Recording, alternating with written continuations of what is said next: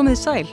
Nokkrir karlmenn af einhverjum ástæðum manni að geta einum konum þá það getur vel verið að þær séu í þessum hópi en sá sagt nokkrir karlar hafa komið sér í þá stöðu gagvart Íslendingum að geta talist óðinir í Íslands. Ástæðunar hafa verið misalvarlegar, stundum jafnvel léttvægar en allir þessir menn eiga það sameinlegt að fussað hefur verið yfir þeim í heitum pottum, legubílum og kaffestofum jafnvel við kvöldverðaborðið. Þetta er nokkuð stór hópur og þetta ekki einsleitur en þjóðin egnaðist nýjan óvinn í vikunni, mann sem að var dónalegur við Íslandinga á internetinu, hann Halla, Harald Þorleifsson sem nú er orðin Halli okkar í hugum margra. Þessi nýju óvinnur er auðvitað Elon Musk, einhver ríkasti maður veraldar, skrítin skrúfa, einhvers konar snillingur, ekta bond illmenni. Ég heiti Ragnhildur Torlasjus og fjalla í dag um nokkra óvinni Íslands, nýja og gamla. Fyrir litla þjóð er gott að standa saman og sjaldan stendur fólk betur saman á Íslandi en þegar að fjandmenn herri á.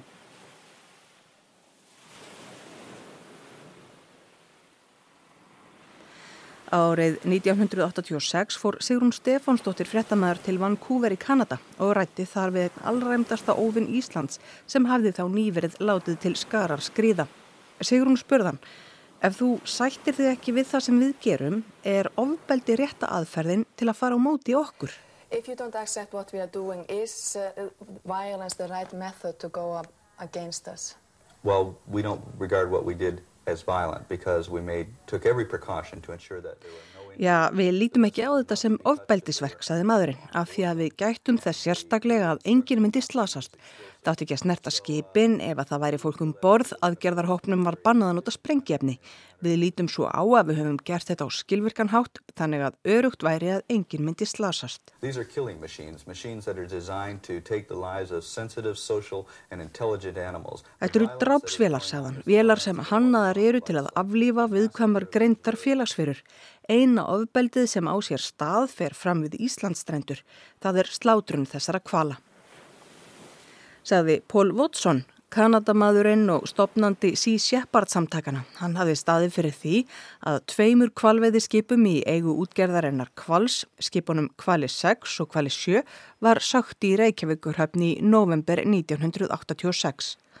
Engum blöðum er um það að fletta að Pól Watson telst til óvina Íslands. Annar maður sem að íslenska þjóðin saminnaðist gegnir Halim Al, tyrkneskur maður, íslensku ríkisborgari, sem átti heiftuðuri forræðisteilu við eiginkonu sína fyrverandi, Sofíu Hansen. Hann fór með dætur þeirra, dagbjörtu og rún úr landi í frí, en snýr ekki aftur. Sofía fór í forsjármál við Halim í heimalandi hans Tyrklandi en hann hafði betur fyrir domstólum þar í landi. Þjóðin fylgist með í gegnum fjölmiðla. Þröstur Emilsson, fréttamaður, var í Tyrklandi fyrir höndur ríkisjómarpsins í desember 1996 þegar að tilstóða Sofía fengi að hitta dætur sínir á hótelherbyggi en Halim mætti ekki með þær. Eftir vendingunni sem ríkti fyrir fund Sofíu Hansen og dætra hennar í gær og vonbreiðunum sem fylgdu í kjölfari þegar ljóst var að Halim Al hafi svikið samkómulag þarum verður vart með orðum líst. Eftir væntingin var einhver minni í morgunenda töldumenn að lauruglustjórun í Bakirkói og sendi herra Íslands hefðu gert Halim Al það ljóst að ef hann svikið samkómulagið annan daginn í röð er það litið mjög alvarlegum augum. Það var því vongóð móðir sem gekk inn í hótelherbergi í morgun til að hitta dætur sínar dagbjörtu og rúnu í annað skipti í hálft 15 ár. Þegar klukkustund var hins vegar liðin án þess að Halim Al leti sjá sig, fór lögreglan á stúfana. Við höfum verið í sambandi við lögreglustjóran í Bakir Kói stöðugt og hann hefur eh, sendt tvívegis í dag menn á heimilið til að aðtöfa hvort að hann og telpuna væri þar. Það hefur ekki reynst vera. Hann hefur reynd í allan dag að ná símasambandi við hann í þrjá síma sem hann er með númer á. Þannig að það hefur komið skýrt í ljós að Halim hefur hopað af holmi. Hvað gerist nú? Nú, nú er engin eh, samningur, ekkert samkómalag eh, um frekari fundi? Nei, við reynum að, að komast áfram með þetta og, og ná sambandi við Halim, við lögfræðinginans sem hefur ekki tekist í dag og ekki í kjarkvöldi og bara vinnum að því og stefnum að því að við fáum að saminast og vera saman og eiga dagstund minnst okkarsti. Það er fullrengt að Halimal eða Ísak Halimal eins og hann heitir sem íslensku ríkisborgari er ekki hægt að treysta við hann við verður ekki talað með öðru en dómum og valdi. Þetta var Ólafur Egilson þá sendi herra Íslandska kvart Tyrklandi. Áður heyrðist í Sofíu Hansen og þresti Emilsinni. En af annarskonar ofinni og af sænskusortinni, Faxa, Staffan Olsson, Hann var líkilmaður í sænska landsliðin í handbólta lengi vel, örfendur og hárprúður og leik Íslendingastundum grátt. Hann leik 358 landsleiki með sænska landsliðin og hafði skorað 855 mörg með liðinu þegar hann hætti að spila með landsliðinu árið 2004, þá færtugur, gefum Adolf Inga Erlingsinni orðið. Það voru heldur engin smákarlar sem kvöttu sænska landsliði í gær og árundur í kíl fögnuðu þeim reyndar ekki síður en tísku leikmannunum. Enda voru þetta þeir Mats Vílander og Staffan Faxi Úlsson sem leku með kílarliðinu í um áratug og áttu sinn þátt í að gera liðið að stórveldi í þýskum handknalleg.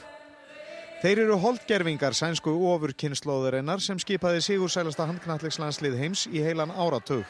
En það varð fjórum sinnum Evrópumeistari og tvísvar heimsmeistari. Gleimum ekki rúsneska stjórnmálamanninum Vladimir Sirinovski sem átti það til að láta hendur skipta og skvetta úr glösum yfir fólk.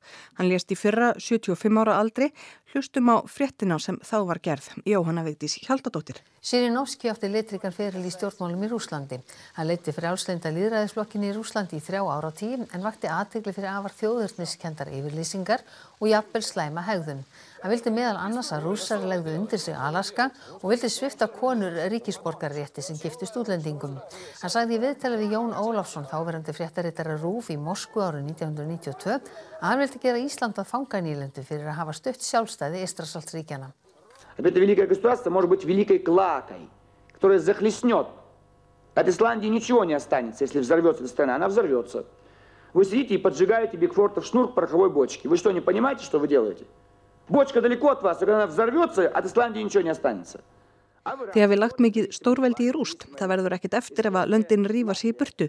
Þegar við kveikt í púðurtunum, skiljið ekki hvað þeir eru að gera. Púðurtunan er langt frá ykkur en ef hún springur verður ekkert eftir af Íslandi, heldur ekkert af líðveldunum Litáin, Íslandi og Lettlandi. Allur þessi skítur fellur á ykkur, allir í heiminum, mörg hundruð miljónir manna flikkjast til ykkar. Hvað verður þá um Ísland? Ísland verður fangelsi fyrir Evrópu, en þið hafið enga reynslu. Paradís Íslendinga verður úr sögunni. Þetta sagði Sirinovski árið 1992.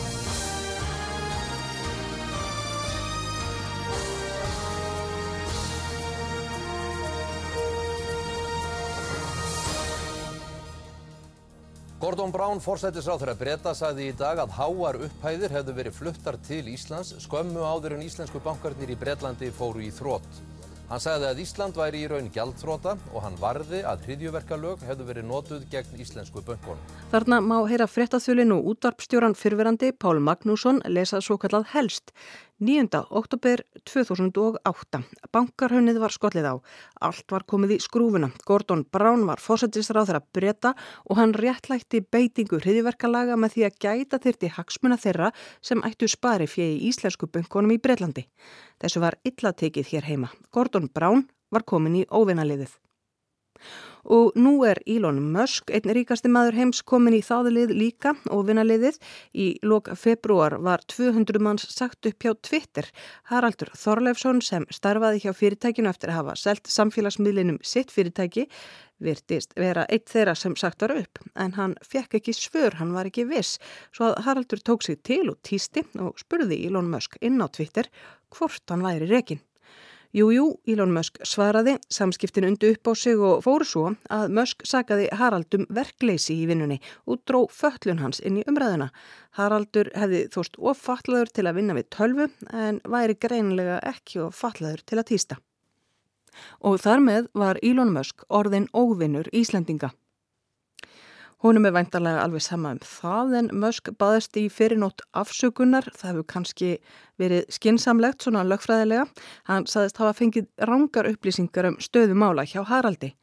Hann hafi ringt í Halla, þeir hafi átt myndsamtal, þar hann komist að því hvað var þið sanna í málinu. Þetta sé lungsaga og það sé betra að tala við fólki í eigin personu en eiga samskipti á Twitter. Þá sagði Elon Musk, eigandi Twitter, á Twitter. Það var í vetur sem að Musk eignaðist Twitter og skrifaði við það tækifæri Fugglin er frelsaður og átti þar við samskipta miðlin hvers merki er blár flögrandi syngjandi fuggl. Í november fjallaði Snorri Raffn Hálsson um Twitter í þetta helst. Við skulum heyra brot af því. Í þeirri upplýsinga óræðu og falsfrétta flóði sem ógnar líðræðinu, öryggi og réttindum fólks er mikið ábyrðar hlutverk að reka slíkan miðil og hefur stefna Twitter stundum verið harðari en annara miðla. Þá voru fjölmörg týst Donald Trumps rauðmert með viðvörun um að týstin getu innihaldið misvísandi upplýsingar á meðan hann satt við völd. En samkvæmt stefnu Twitter þótt ekki rétt að eigða týstum sitjandi leittoga eða frambjöðenda. Það væri ofmikið yngripp. Steinin tók þó úr þegar týst Trumps átti þátti að árás var gerð á þinghús bandaríkjana þann 7. janúar 2021. Trump var það ekki lengur forseti, heldur óbreyttur borgari og því var lokað á Twitter aðgang hans með almanna hagsmunni að leiðarljósi. En ekki eru öll á eitt sátt með slíka rittskoðun. Þar á meðal er hinn nýji eigandi og málfrelsis bókstafstrúarmadurinn Elon Musk. Musk segir vinstri slagsíðu hafa ríkt á miðlinum um landskeið og hafa raunar margir sem aðhyllast svipaðar skoðanir og mösk, markaðstrifna frjálsökju og róttækt málfrelsi, orðið fyrir barðinu á reytskoðanareglum Twitter, sem þó banna fátt annað en kvartningar til ofbeldis, grafíst ofbeldi, haturs, orðræðu og almennt ólögleg aðtæfi.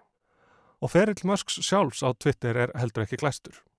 Þegar hægri satiru miðlinn Babylon B vísaði til transkonunar Rachel Levine, hæst settu transkonu innan bandarískrar stjórnsýslu sem Karlmanns ársins var aðgangi þeirra að Twitter læst.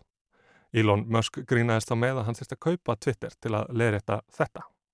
Miljardamæringurinn hefur ekki hikað við að nota Twitter til að hægræða upplýsingum, hafa áhrif á hlutabrjöfaverð og stýra fjölmiðla umfyllunum eigin viðskipti, saði Ricardo Gutierrez, framkvæmdastjóri Evrópusambands bladamanna, þegar fregnir bárust af yfirtöku Musks. Árið 2016 var Elon Musk til að mynda sektaður um 20 miljón bandrækjadólara fyrir að týsta því að hann saðist hafa tryggt fjármagn til að taka Tesla af almennum markaði fyrir 420 dólara á hlutin. Án þess að hafa gert það nýja ætla sér að gera það. Síðan þá hefur Musk ekki fengið að tvíta um Tesla án þess að lögfræðingur fyrirtækisins fari yfir það sem hann ætlar að segja. En Twitter aðgangurinn at Elon Jet kom heldur ekki vel við kaunin á Musk en aðgangurinn byrtir upplýsingar um hvert einasta flög sem Elon fer á engaþóttu sinni. Hinn tvítu í Jack Sweeney heldur úti sjálfverkum aðgöngum sem fylgjast með engaþóttum frægafólksins og eftir innrásina í Úkrænu rúsneskra ólíkarka. Musk reyndi að greiða Sweeney 5.000 dali fyrir að taka aðgangin niður en þegar þetta er skrifað er hann enn virkur. Síðasti í nótt flög þóttan frá New Jersey til Washington D.C. Áhrifamáttur Twitter er ástæðan fyrir kaupum Musk á miðlinum. Þegar hann læði tilbúið fram í april á þessu ári, sæði Musk að það væri ekki til þess að græða peninga, heldur vegna þess að Twitter sé reynd stafrænt bæjartorg og það skipti máli að fólk geti og upplifi að það geti tjáð sig þar innan ramma lagana. Frelsun fugglsins er þannig í raun tilraun Musk til að standa vörðum málfrelsi á netinu. Að aflétta hömlum á rittskoðun þá fyrst getur fugglin raunverulega flóið sagði Snorri Raffn Hallsson um kaup Ílons Mösk á Twitter. Þetta var í november í fyrra. En ég heiti Ragnhildur Torrasís og í þetta helst í dag fjallaði ég um óvinni Íslands þá sem að landsmönnum hefur orðið reglulega uppsigað við. Hægt er að hlusta á þetta helst í spilara rúf og á öllum helstu hlaðvarpsveitum. Takk fyrir að hlusta. Verðið sæl.